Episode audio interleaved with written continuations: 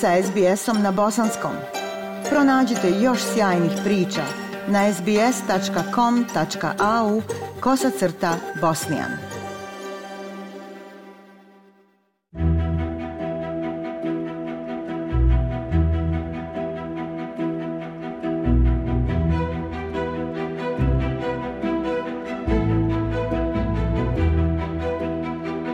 Slušate program SBS radija na bosanskom jeziku. Evropska unija razmatra zauzimanje oštrijeg stava prema migracijama nakon što je broj vanrednih dolazaka porastao na 330.000 prošle godine, ali moglo bi biti teško postići konsenzus u bloku od 27 zemalja s kontroverznim idejama o kontroli granica koje su pokrenule neke evropske zemlje. Prilog Katrione Stirat. Evropska unija predlaže čvršću migracijsku politiku – sjećanje na evropsku izbjegličku krizu iz 2015. i dalje u prvom planu, ali i postizanje konsenzusa među 27 zemalja bloka biće komplikovano. Prošle godine evropske zemlje primile su najveći broj neovlaštenih dolazaka, što je navelo ministre da ožive kontroverzne ideje, uključujući granične ograde i centre za azil izvan evropskog kontinenta. Poboljšanje stope povratka migranata matičnim zemljama bio je glavni prioritet ministara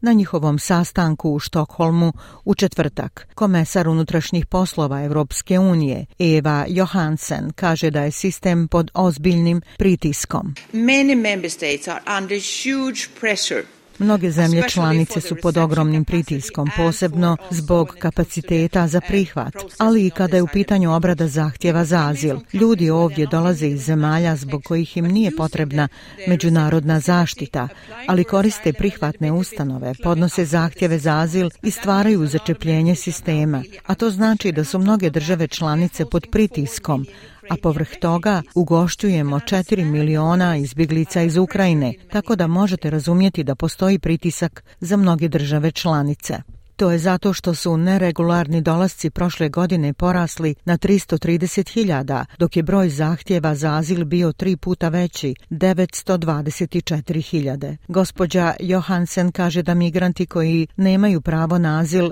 moraju biti vraćeni u svoju domovinu. Because we know that effective returns is one of the most uh, Zato što znamo da je efektivni povratak jedan od najefikasnijih poticaja za sprečavanje neregularnih dolazaka onih kojima nije potrebna međunarodna zaštita. Vidjeli smo mnogo Marokanaca, Egipćana, Tunižana, ljudi iz Bangladeša, Pakistana, Turske, Kube, Indije i naravno da je efektivni povratak zaista važan ovdje. Švedska koja trenutno predsjedava Evropskom unijom od oktobra ima koalicijunu vladu koja je pod uticajem nacionalističkih ekstremnih desničara. Švedski demokrati koji čine dio koalicije desnog centra strogi su po pitanju politike imigracije i azila. Zemlja je predložila iskorištavanje pomoći i vize kako bi se olakšale deportacije u nekooperativne države. Švedska ministrica za migracije Marija Malmer Štenegard je izrazila ovo mišljenje na razgovorima. Osiguranje efikasnog povratka neregularnih migranata je od suštinskog značaja za osiguranje kredibiliteta politika Evropske unije u oblasti međunarodne zaštite ilegalne migracije. Nedostatak povratka je pravi problem za mnoge zemlje članice i da trenutni nivoi povratka nisu adekvatni. Ovo ima negativan uticaj na sposobnost država članica da se nose sa novopridošlicama i podriva legitimitet sistema Evropske unije za azil i migracije.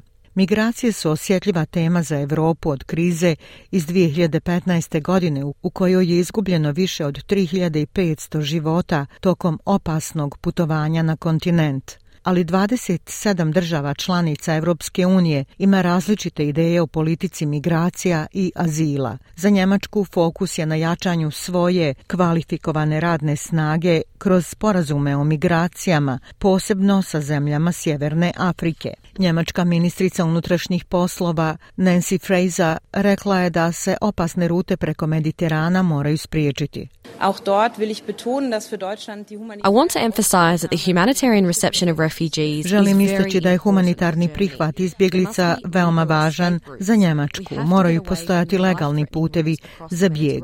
Moramo se udaljiti od puteva opasnih po život preko Mediterana. U isto vrijeme također moramo osigurati da kada dođe do neregularnih migracija i tu preduzimamo odgovarajuće mjere. To se može uraditi samo na evropskom nivou. Zato pozdravljam prijedlog Komisije za zajednički sporazum o migracijama, jer bi istovremeno pokrivao redovnu migraciju i izbjegavanje opasnih ruta, ali i repatriaciju.